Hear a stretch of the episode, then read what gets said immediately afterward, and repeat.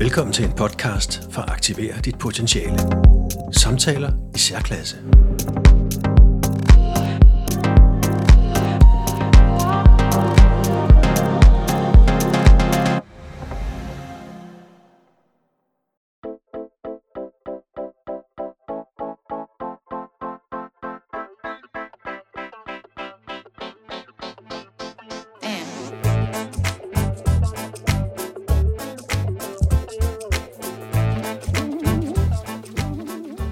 Her får du en lydbog.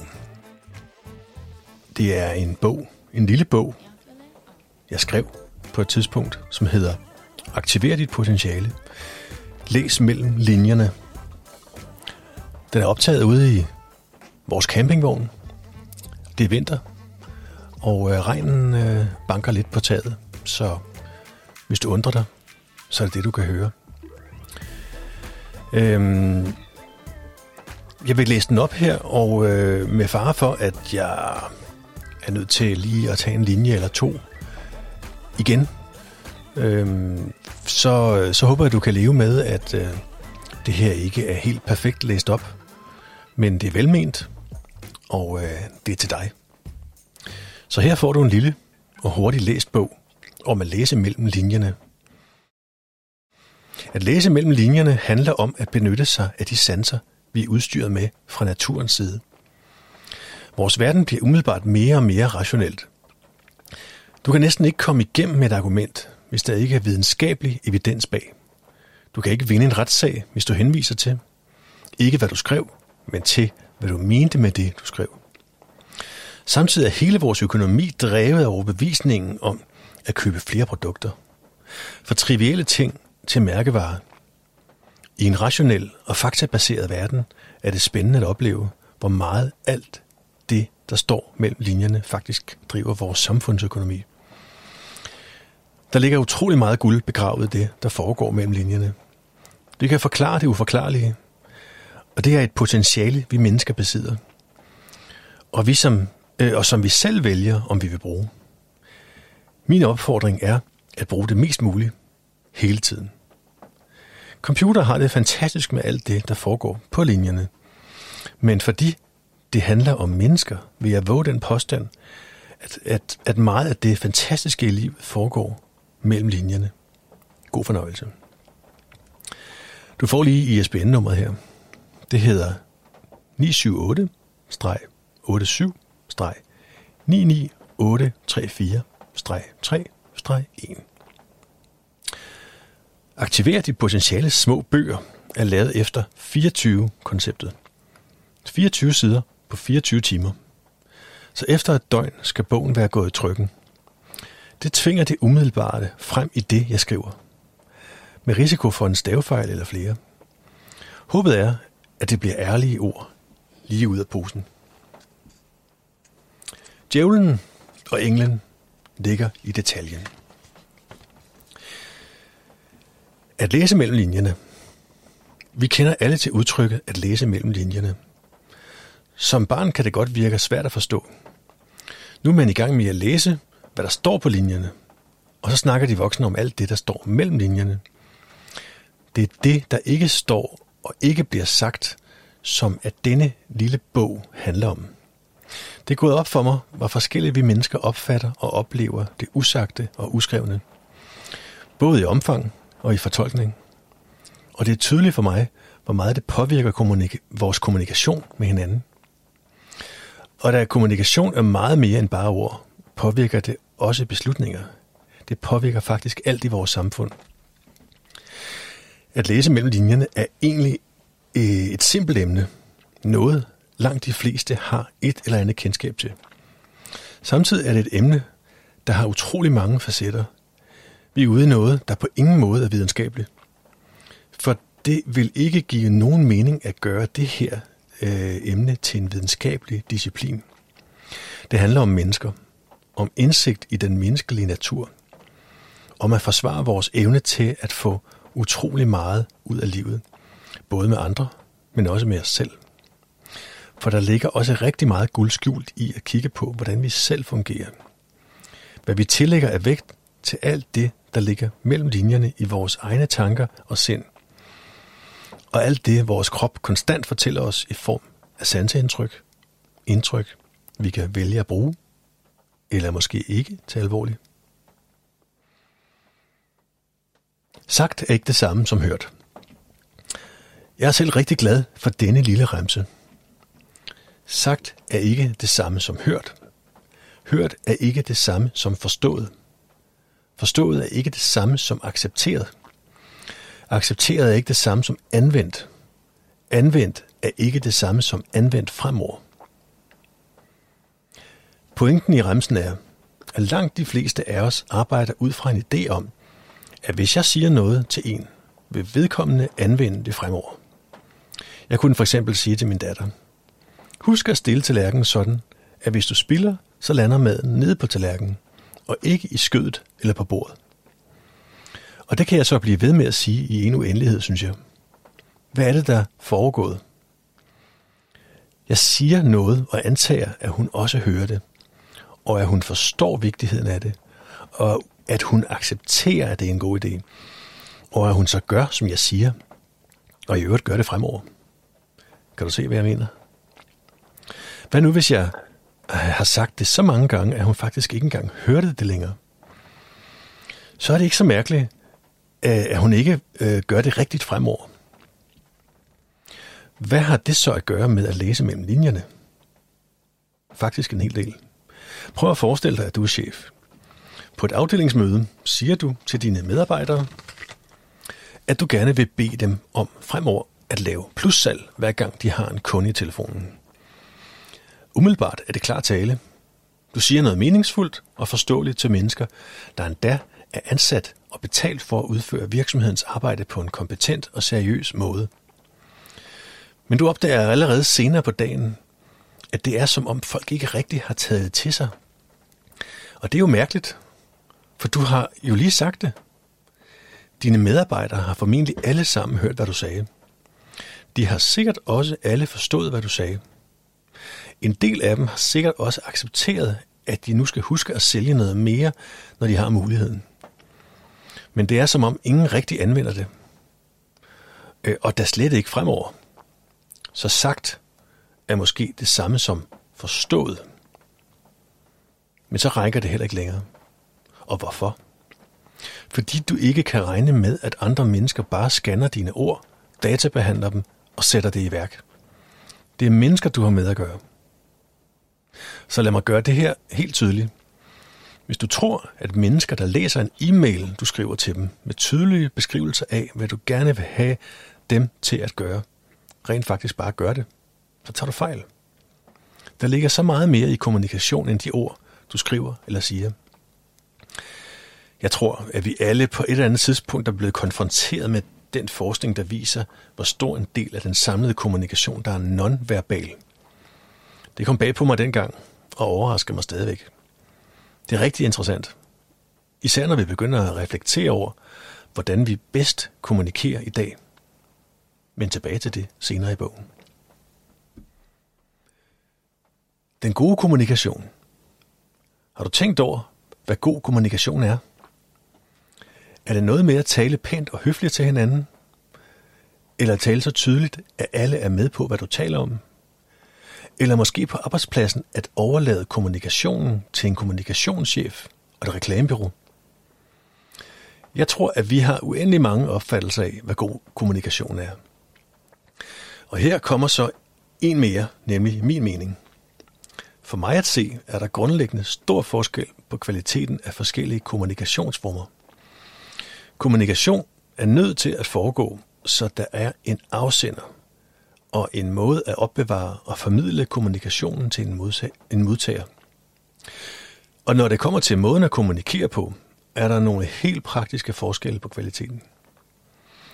Hvis vi et øjeblik glemmer al den elektroniske kommunikation og tager et blankt stykke papir, hvad er så den naturlige kommunikation mellem mennesker?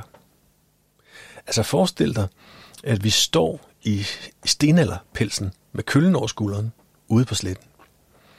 Og så våger jeg den påstand, at vi for det første er skabt til at kommunikere med hinanden ved at se hinanden. Altså det personlige møde. det avancerede sprog kom først til senere. Og det er i øvrigt heller ikke så sikkert, at den stenaldermand, du står overfor, taler samme sprog som dig. Så kan det være svært at tale med hinanden. Til gengæld har vi al den nonverbale kommunikation i værktøjskassen. Præcis som dyrene. En kat kan heller ikke snakke meningsfuldt med en hund, men alligevel kan de sagtens kommunikere nonverbalt. Det er de helt styr på. Derfor er der også grund til at tro, at vi mennesker virkelig kan få meget ud af den nonverbale kommunikation. Men spørgsmålet er, om vi aktivt bruger al den nonverbale kommunikation, vi har til rådighed i dagligdagen. Min påstand er, at det gør vi slet ikke. Faktisk gør vi næsten alt for ikke at bruge den. Vi har et potentiale, vi ikke aktiverer. Ja, faktisk gør vi en stor indsats for at deaktivere den. Det synes jeg er så interessant, at denne lille bog handler om netop det. Forskellige kvaliteter af kommunikation. Med forskellige kvaliteter af kommunikation mener jeg ikke bare, om der er støj på linjen eller ej. Jeg har altid været fascineret og lidt skræmt af den samtale, der, går, der foregår mellem fly og kontroltårne. Jeg ved, at netop deres sprog er meget ensrettet og standardiseret. De siger endda tree i stedet for three, så ingen er i tvivl om, hvad det var, de sagde. Men selve kvaliteten i kommunikationskanalen, altså walk-in, er efter min mening skræmmende ringe. Men de virker alligevel, må jeg indrømme. Nå, men det var heller ikke så meget øh, støj eller ikke støj, jeg vil adressere, men mere de dagligdags kommunikationskanaler, vi omgiver os med. Jeg vil nu se på, hvor rige forskellige kommunikationskanaler er. Med rige mener jeg, hvor stort et indhold af både verbal og nonverbal information, der kan udveksles. Her er min top 10. Samtaler, hvor mennesker mødes fysisk. Samtaler, hvor mennesker mødes på skærme, Skype for eksempel. Telefonsamtaler. Bøger, selvom kommunikationen kun går den ene vej. Breve. E-mails. SMS, Twitter, Messenger-beskeder. Facebook, afhængig af, hvad det er, man bidrager med. Statussymboler, som tøj, biler, postnummer og den slags. Sarkasme og ironi. Lad mig gennemgå de enkelte punkter. Jeg vælger at starte nedefra og bevæge mig op. 10. Sarkasme og ironi. I min verden er sarkasme og ironi den absolut ringeste måde at kommunikere på. Det har jeg ikke altid syntes. Da jeg var yngre, kunne jeg sagtens finde på at anvende sarkasme og ironi, og kan nok stadigvæk. For der er noget effektfuldt i sarkasme og ironi. Det rykker. Problemet er blot, at det straks sætter stemningen over på betændt. Og efter min mening er det altid et tegn på dårlig selvværd, når man ser sig nødsaget til at anvende især sarkasme. I sin natur er det også utroligt dårligt at sige det modsatte af, hvad man mener og håne andre. Det kan være sjovt, bevares. Jeg kan sagtens flække grin, når nogen kan anvende især ironi på en begavet måde. Så siger det bare alt. Men i langt de fleste tilfælde ødelægger det næsten øjeblikkeligt enhver samtale. Hvad skal man næsten stille op med en, når der når der når som helst øh, kan, kan vende, hvad skal man næsten stille op med en, der når som helst kan vende 180 grader? Hvis man kommer til at tage fejl af, om noget var sarkasme eller ej, får man straks at vide, at det selvfølgelig var omvendt, det skulle forstås. Det skaber en giftig ubalance i enhver samtale, og alene motivet til at bruge sarkasme og ironi siger alt om, hvad vedkommende synes om samtalen. 9. Statussymboler. Måske er det et overraskende begreb, der har snedet sig ind på 9. pladsen. For hvad har statussymboler med kommunikation at gøre? Svaret er, at det har alt med kommunikation at gøre. Statussymboler er til for at kommunikere. Vi har alle brug for at fortælle, hvem vi er. Både til os selv, men selvfølgelig også til omverdenen. Hvis nu vi tog alt tøjet af og ikke havde noget smart tøj, og nogen bil at vise frem osv., så kan man ikke nødvendigvis se, om vi er velhavende, har god smag, er kreativ, seje, ydmyge, kloge, dumme, med på det nyeste eller ej, osv. For alt, hvad vi omgiver os med, fortæller en historie om os. Om vi vil det eller ej. Der er en kommunikation i gang. Vi kan grundlæggende godt være helt ligeglade med vores frisyr, vores tøjvalg, vores bolig, vores bil, vores cykel, vores skæg, mest for mænd, og så videre. For faktisk påvirker de ikke, hvem vi er, men så alligevel. Det er stadig trendy at have et vildmandsskæg blandt yngre mænd. Et skæg, der fortæller historien om, at man er helt easygoing, at man ikke bekymrer sig om alt det med udseende, status og penge. Man er den type af mand, der ikke gider det overfladiske, men bare lader skægget gro på en naturlig måde. Tilbage til naturen. Men har du også lagt mærke til, at de samme mænd stort set altid enten bor i byen, eller er meget orienteret mod det urbane? Og har du også tænkt over, hvor lang tid de må bruge hver morgen på at få skæg og hår til at se ud som om, der ikke er noget, der interesserer, det ikke er noget, der interesserer øh, dem synderligt. Jo, jeg laver lidt sjov med dem, men det er kærligt ment. For de er nemme eksempler på, hvor, hvor bredt kommunikation skal forstås. Mere velkendt er nok statussymboler som biler, boliger, smykker, ure, tasker, sko, telefoner, møbler og den slags. De har det til fælles, at det er kommunikation, vi kan købe os til og gøre det. Jeg har, jeg har altid selv været Mac-mand. Øh, jeg ville have et problem, hvis Apple lukkede i morgen. Jeg kan godt lide den måde, de kommunikerer og samarbejder med computeren. Og, og iPhone og alt det andet. Jeg er helt med på, at der i den grad også er status i at bruge Apple-produkter. Det har de også selv fundet ud af. Se bare på priserne. Men hvis ikke deres øh, produkter kostede så meget, som de gør, ville de miste deres værdi som statussymboler. De er nødt til at koste meget. Os, der så har erhvervet et dyrt statussymbol, når fra nu øh, de andres, får fra nu de andres anerkendelse. Og tænk på, hvad den er værd. Langt mere end de 8.000, du gav for telefonen i sin tid. Det vi omgiver os med, kommunikerer for os. Hele ideen bag branding er, at kunden skal have tillid til den uskrevne kontrakt, virksomheden med varemærket tilbyder. Det er egentlig meget simpelt. Hvis du køber vores produkt til en høj pris, lover vi til gengæld at bruge rigtig mange penge på at fortælle historien om, at vores kunder har gjort det helt rigtige. Vi lover at dyrke historien om, hvem du så er blevet nu. Hvis du for eksempel køber en dyr bil, går en hel del af pengene til at markedsføre netop den bil, og det mærke som netop det, du fik stillet i udsigt i den uskrevne kontrakt.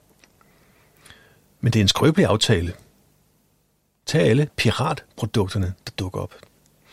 Hvordan kan jeg være sikker på, at hende på 15 år, der går med en Louis Vuitton-taske på gågaden, ikke har snydt og købt en kopitaske i Kina til 150 kroner?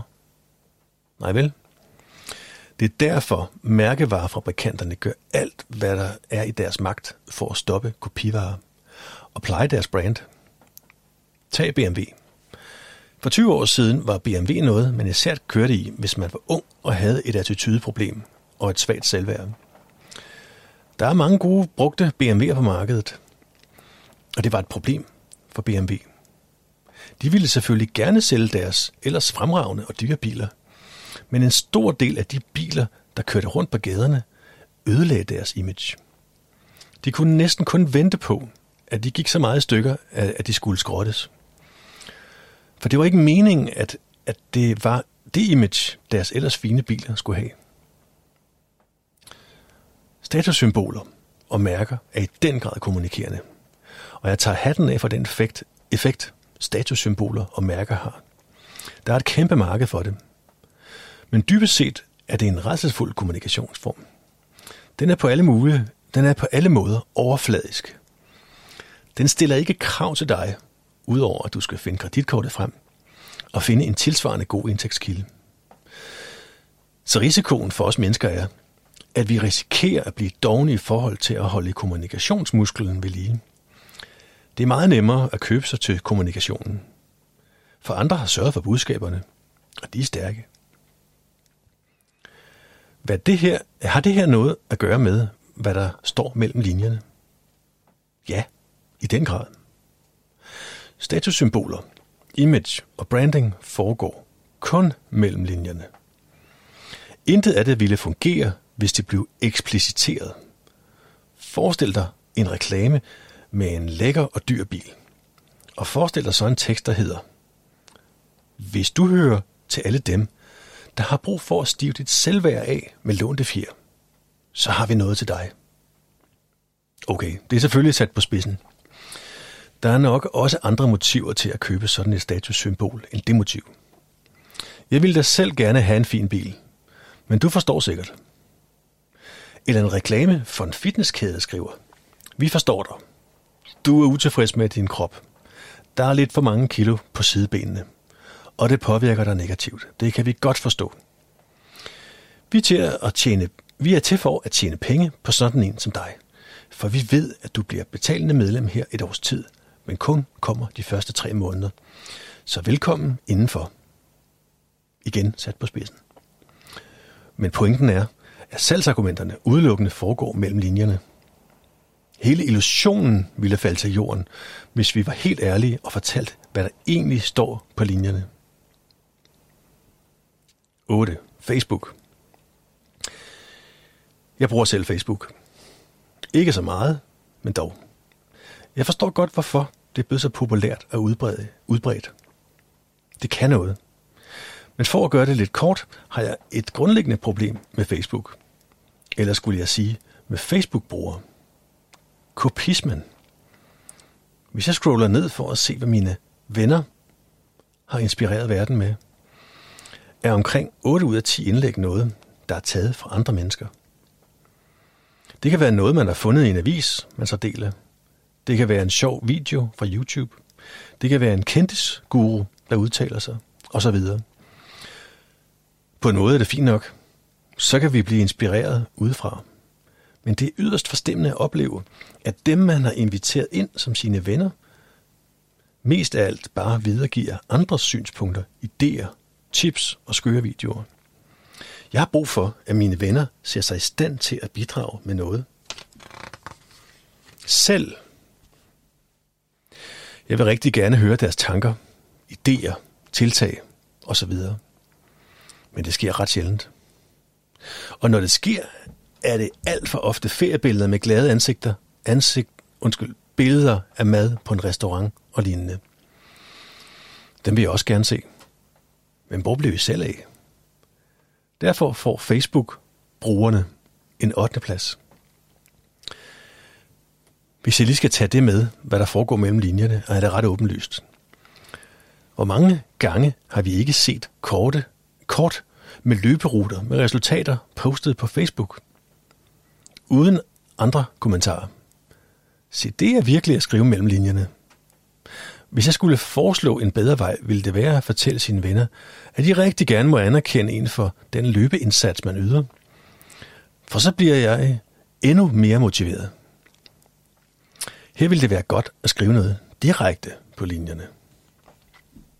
7. SMS, Twitter og Messenger-beskeder. Nu bevæger vi os over i det sjove område. Da sms'en kom frem, var der ikke ret mange teleselskaber eller telefonproducenter, der troede på den slags kommunikation. I Danmark husker jeg, at det kostede omkring 2,75 kroner at sende en sms. Og den kunne kun være på omkring 160 tegn. I Europa blev den stille og roligt et hit. I dag kan vi i Danmark ikke forestille os, at en sms skal koste noget. Både sms, Twitter og Messenger osv. er baseret på, at man fatter sig i korthed. Øh, ikke mindst Twitter. USA's nuværende præsident, Donald Trump, elsker Twitter. Eller retter. Han hader pressen. Så med hjælp fra Twitter går det hele op i en højere enhed. Han er ikke typen, der forklarer sig i komplicerede vendinger, og med Twitter kan han både køre helt udenom pressen og sige noget hurtigt på en meget simpel måde. Problemet med den slags medier er grundlæggende bare, at der stort set ikke er plads til at skrive på andet end linjer, linjerne. Der er ikke plads til finurligheder. Der er ikke plads til nuancer. Det har sine svagheder. Undskyld, det har sine styrker. Men det gør verden fattigere. Og der bliver faktisk åbnet op for et hav af potentielle misforståelser. For selvom man skulle tro, at når man kun skal forholde sig til det, der står på linjerne, så bliver alting meget tydeligere og klarere. Men det kan meget nemt ende omvendt. Jo, hvis man var en computer, der skulle læse Twitter-beskeder eller sms'er, ville det være god kommunikation. Men da det forhåbentlig henvender sig til mennesker, er det en alt for forsimplet måde at kommunikere på. Hvorfor? Fordi vi, eller jeg, i sidste ende ikke har nogen anelse om, hvad afsenderen egentlig lægger i ordene. Derfor er det interessant at se, hvor populært netop Twitter er i journalist- og mediekredse. De forguder det medie, til trods for, at det er en meget indholdsfattig kommunikationskanal. Hvis du hører til dem, der ikke øh, helt abonnerer på ovenstående, så prøv at flytte opmærksomheden hen på smileys og emojis. Der er lige kommet en opdatering til min telefon med et hav af nye emojis. Altså de små symboler, vi sætter ind mellem ordene i sms'er og mails osv. Hvorfor eksisterer de? Det gør de, fordi kvaliteten af kommunikationen på de samme medier er så fattig, at vi føler, at vi må supplere op med for eksempel vores sindstilstand eller ansigtsudtryk. Og der kommer alle symbolerne ind som hjælpere. For ellers kan det dels være svært at udtrykke sig som afsender, men endnu sværere at afkode beskeder, man har modtaget. En smiley, en thumbs up eller et hjerte siger en del om, hvordan vi havde det, da vi skrev. Hvordan det skal opfattes. Tænk på, at vi med emojis bevæger os tilbage mod hieroglyffer, som Ægypterne udviklede for 6.000 år siden. Altså skrifttegn.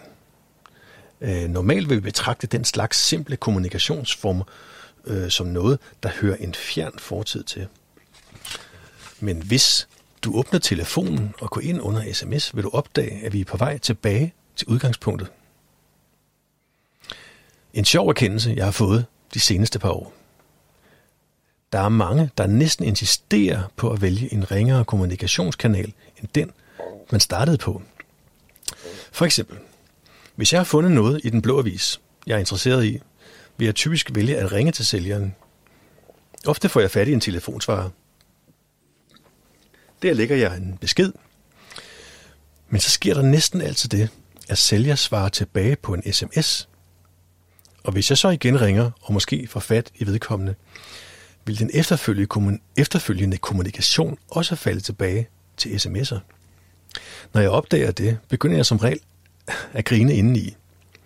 For tænk engang, at vi bevidst søger hen til dårlige kommunikationsplatforme, når vi lige så godt kunne vælge en god. Og der er ingen tvivl om, at kvaliteten i samtalen daler, når det sker. Så bliver der ikke plads til for eksempel lidt small talk om ens fælles interesse for varen. Det hele bliver meget faktuelt. Jeg forstår sådan set godt, hvad der sker. Mange af os har ikke lyst til at forhandle pris i telefonen. Det bryder jeg mig heller ikke om. Men når vi i stedet vælger sms'er, bliver det hele meget mere bekvemt. Så er det ikke så ubehageligt at foreslå en pris, der ligger en del under. Det kan godt tages til yderligheder. Jeg har et par gange solgt min brugte bil på nettet.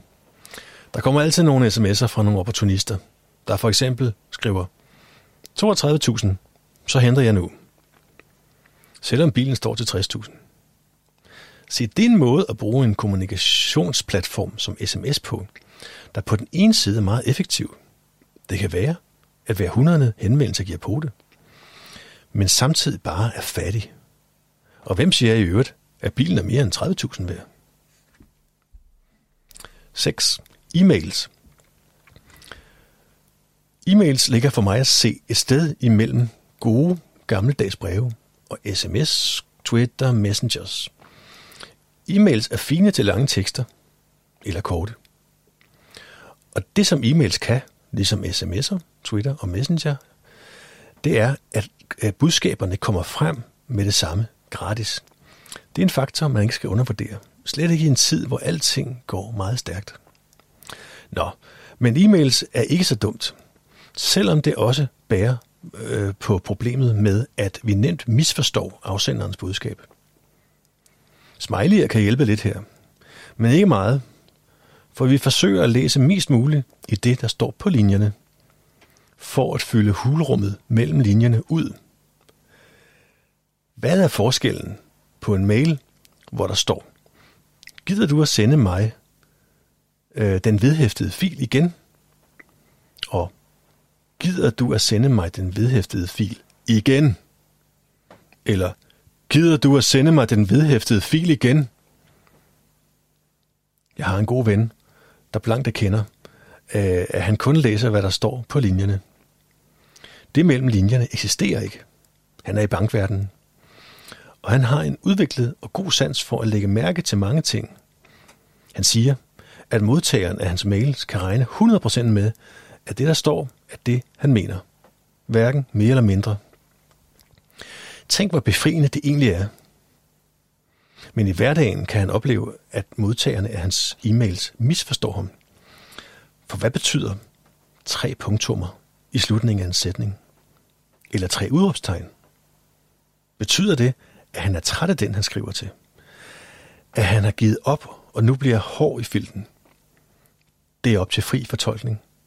Og det bliver det så. For ulempen ved kun at forholde sig til, hvad der står på linjerne er, at når der ikke er ansigt eller stemme på, så ved vi meget lidt om, hvordan man skal læse teksten på linjerne. 5. Breve. Umiddelbart er der ikke så meget forskel på e-mails og breve, udover leveringstiden og prisen. Alligevel er der efterhånden noget helt særligt ved at modtage et brev. Jeg skrev en bog, en bog for et par år siden, og der var nogle glade læsere, der gjorde sig den ulejlighed at skrive tilbage til mig i brevform, håndskrevne breve. Alene det, at nogen synes, at det er på det tidspunkt 8 kroner værd at skrive til mig, er i sig selv en anerkendelse. Og at det oven i købet er håndskrevet, gør det kun bedre. For i håndskriften ligger også en masse information. Man kan se noget om folks alder, og noget om, hvem de er som menneske. Og for de breve efterhånden er evighed undervejs, tager man sig nok også bedre tid til at skrive det.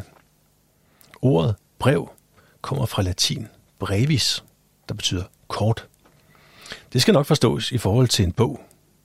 Men i dag ville man nok ikke kalde et brev for noget, der er kort. Så ville Twitter-beskeder ikke hedde tweets, men breve. 4. Bøger. Hvis breve er korte, er bøger lange. Og det er de jo også som regel. Men hvorfor er det, at bøger ikke bare hører fortiden til? Vi kan jo bare se filmatiseringen af bogen eller finde en video med forfatteren, der forklarer, hvad han eller hun arbejder med. Nej, for bøger kan noget helt andet. Dels er det en kommunikationsplatform, der er skræddersyet til at indeholde mange ord. Og hvis der er for mange til at læseren kan løfte bogen, øh, laver man bare udgivelsen i flere bind. Der står rigtig meget på linjerne i bøgerne. Og netop fordi der er plads til at arbejde med sproget, og ikke spare på ordene, står der som regel rigt, også rigtig meget mellem linjerne. Betydninger, der kan hjælpe os i forfatterens, øh, der kan hjælpe os på vej i forfatterens univers. I skønlitteratur er det endda oplagt, at man selv skal få en masse spændende tanker og associationer, udover det, der står på linje, øh, øh, udover det, der står mellem linjerne. Det er nok også derfor, det er så svært at filmatisere gode bøger. For dels skal det hele, det hele koges ned til måske halvanden time. Dels overtager instruktøren fortolkningen af oplevelsen. Som biografgænger får du serveret en andens oplevelse af en bog. Og der er ikke plads til din egen.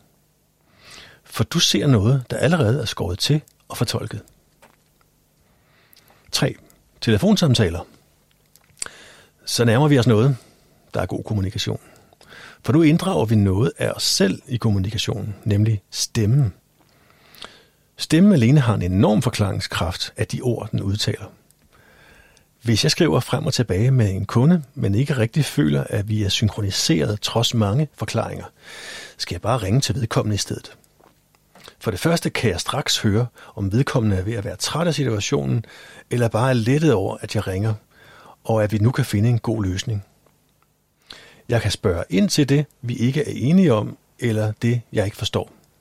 Og få et svar med det samme. Her kan sms'er og messenger og så videre slet ikke konkurrere.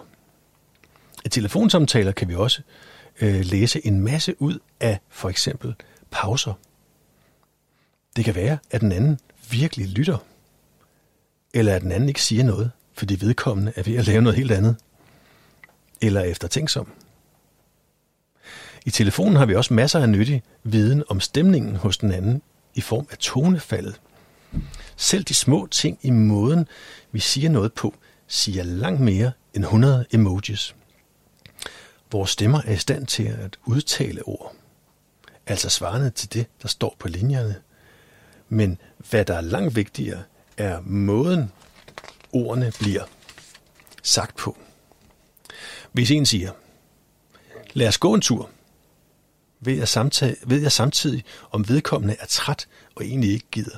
Er sur, er glad, er bekymret, opgivende, inspireret eller andet. Bliver det sagt med en rolig og varm stemme, eller bliver det sagt med en, en lettere skinger stemme? Du er ikke i tvivl om, hvad, stemning, hvad stemning den anden er i. Og intet af det kan du gengive i en sms med emojis. Det her er en ren foræring, hvis andre mennesker betyder noget for dig. 2. Samtaler, hvor mennesker mødes på skærmen. Det lyder umiddelbart ikke specielt indholdsrigt at se hinanden på en skærm. Jeg tænker på Skype, FaceTime og andre digitale platforme. Og på interviews med mennesker, der bliver vist på en skærm. Og nej, det er også langt bedre at mødes i virkeligheden. Men når vi både har stemme med, men også et billede af personen, her og nu er vi godt på vej. Udover kvaliteten i at høre andre stemme, kan vi nu også aflæse kropssproget. Det er en ekstra dimension, der næsten fuldfører værket. Alene det at se et billede af et menneske, af det menneske, man taler med, forbedrer kommunikationen markant. Om det så bare er et pasfoto, der hænger på væggen. Men lad os ikke fortabe os i det næstbedste, når det bedste venter lige rundt om hjørnet. 1. Samtaler, hvor mennesker mødes fysisk. Ja, når rigtige mennesker mødes rigtigt, er der basis for den ypperste, ypperste kvalitet af kommunikation, som jeg ser det. Her får vi endnu flere sanser aktiveret. Hvad nu, hvis den, man taler med, begynder at lugte deres ved? Hvad siger det? Eller vedkommende bare dufter super lækkert. Hvad nu hvis den, man taler med, er så begejstret, at, at vedkommende konstant sender små byer af spyt ud over dig? Eller følger dig med øjnene, når, når du bevæger dig? Se, det er kommunikation på et højt plan. På godt og ondt. Jeg kan stadig huske, en gang jeg havde en god samtale med et familiemedlem, der desværre ikke er her længere. En god mand, der altid havde gang i store projekter. Sådan en mand, der helt naturligt fylder meget i verden og i samtaler – vi startede samtalen i den ene ende af et ret stort rum. Jeg stod med ryggen til rummet. Og efter et kvarters tid stod vi helt nede i den anden ende af rummet. Jeg havde ubevidst flyttet mig langsomt baglæns, nok fordi hans fremtoning var så overvældende. Han flyttede med og gik måske også tættere på, end min komfortzone tillod. Det var ikke ubehageligt på nogen måde, mere sjovt. For den slags er også en del af den samlede kommunikation. Møder. Der er ikke noget som at mødes rigtigt, efter min mening. Men vi skal godt nok være opmærksom på, at vi så også får det ud af møderne, vi kan. For hvis vi ikke er bevidste om det, kan vi lige så godt skrive det over sms'en. Jeg holdt engang et foredrag for 85 mennesker. Det foregik i en kantine. Problemet var, at der nede for, øh, for enden af rummet øh, var nogle store køleskabe, der kørte hele tiden. Jeg havde det indtryk, at, at det jeg sagde også var det, andre hørte. Men det gik op for mig, at jeg havde en seriøs konkurrent i køleskabene. Og som du ved, hvis folk ikke kan høre, hvad du siger, er det hele lige meget. Tag et mødelokale i en tilfældig virksomhed. Det burde umiddelbart være opskriften på den perfekte ramme for god kommunikation. For det er jo netop, for der er jo netop plads til rigtige mennesker, der mødes rigtigt. Mine egne øh, oplevelser med mødelokaler er ikke specielt positive. Mange af dem har elendig lys og dårlig luft. Og øh, når kaffen består af den øh, dårlige industrikaffe, der småkogende tilsættes en stang med pulverfløde og serveres i en indgangskop, er jeg næsten uden for rækkevidde kommunikationsmæssigt. Jeg kan ikke engang stille skarp på mødet. Alt sammen bare for at sige, at der er stor forskel på, hvad forskellige kommunikationsplatforme tilbyder. Men at selv den bedste platform ikke altid er nok i sig selv. Vi skal være omhyggelige med det samlede setup. Læs mellem linjerne i dig selv. Indtil videre har bogen kun handlet om at læse mellem linjerne, når vi, når vi kommunikerer med andre mennesker. Men faktisk er der lige så meget at sige om at læse mellem linjerne i os selv. Har du tænkt over, hvor meget din krop konstant kommunikerer med dig? Du har et meget avanceret netværk af nerver og sanser, der hjælper med at fortælle dig, om du har det godt. Har du ondt i hovedet?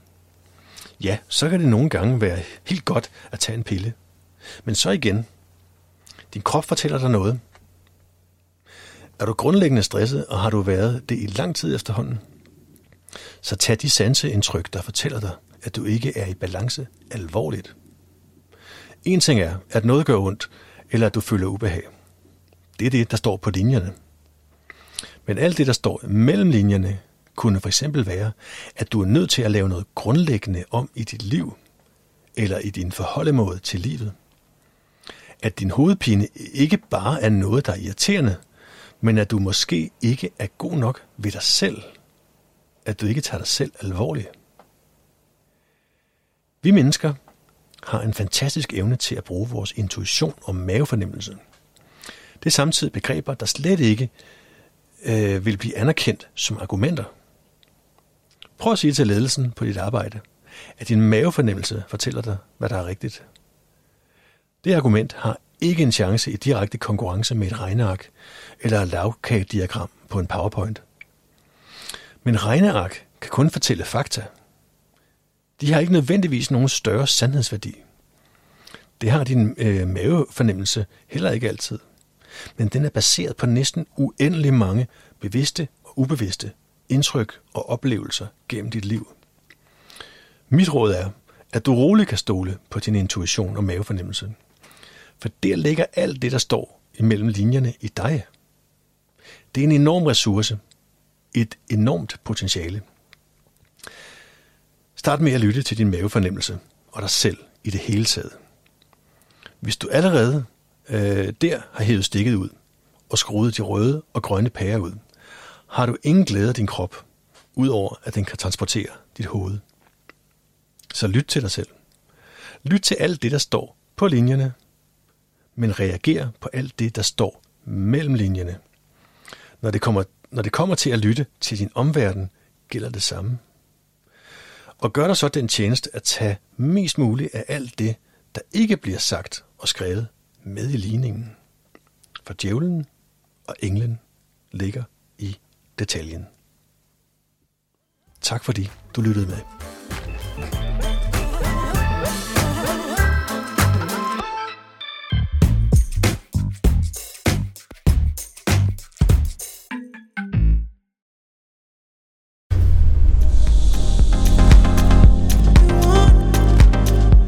Hør flere podcasts på din foretrukne platform.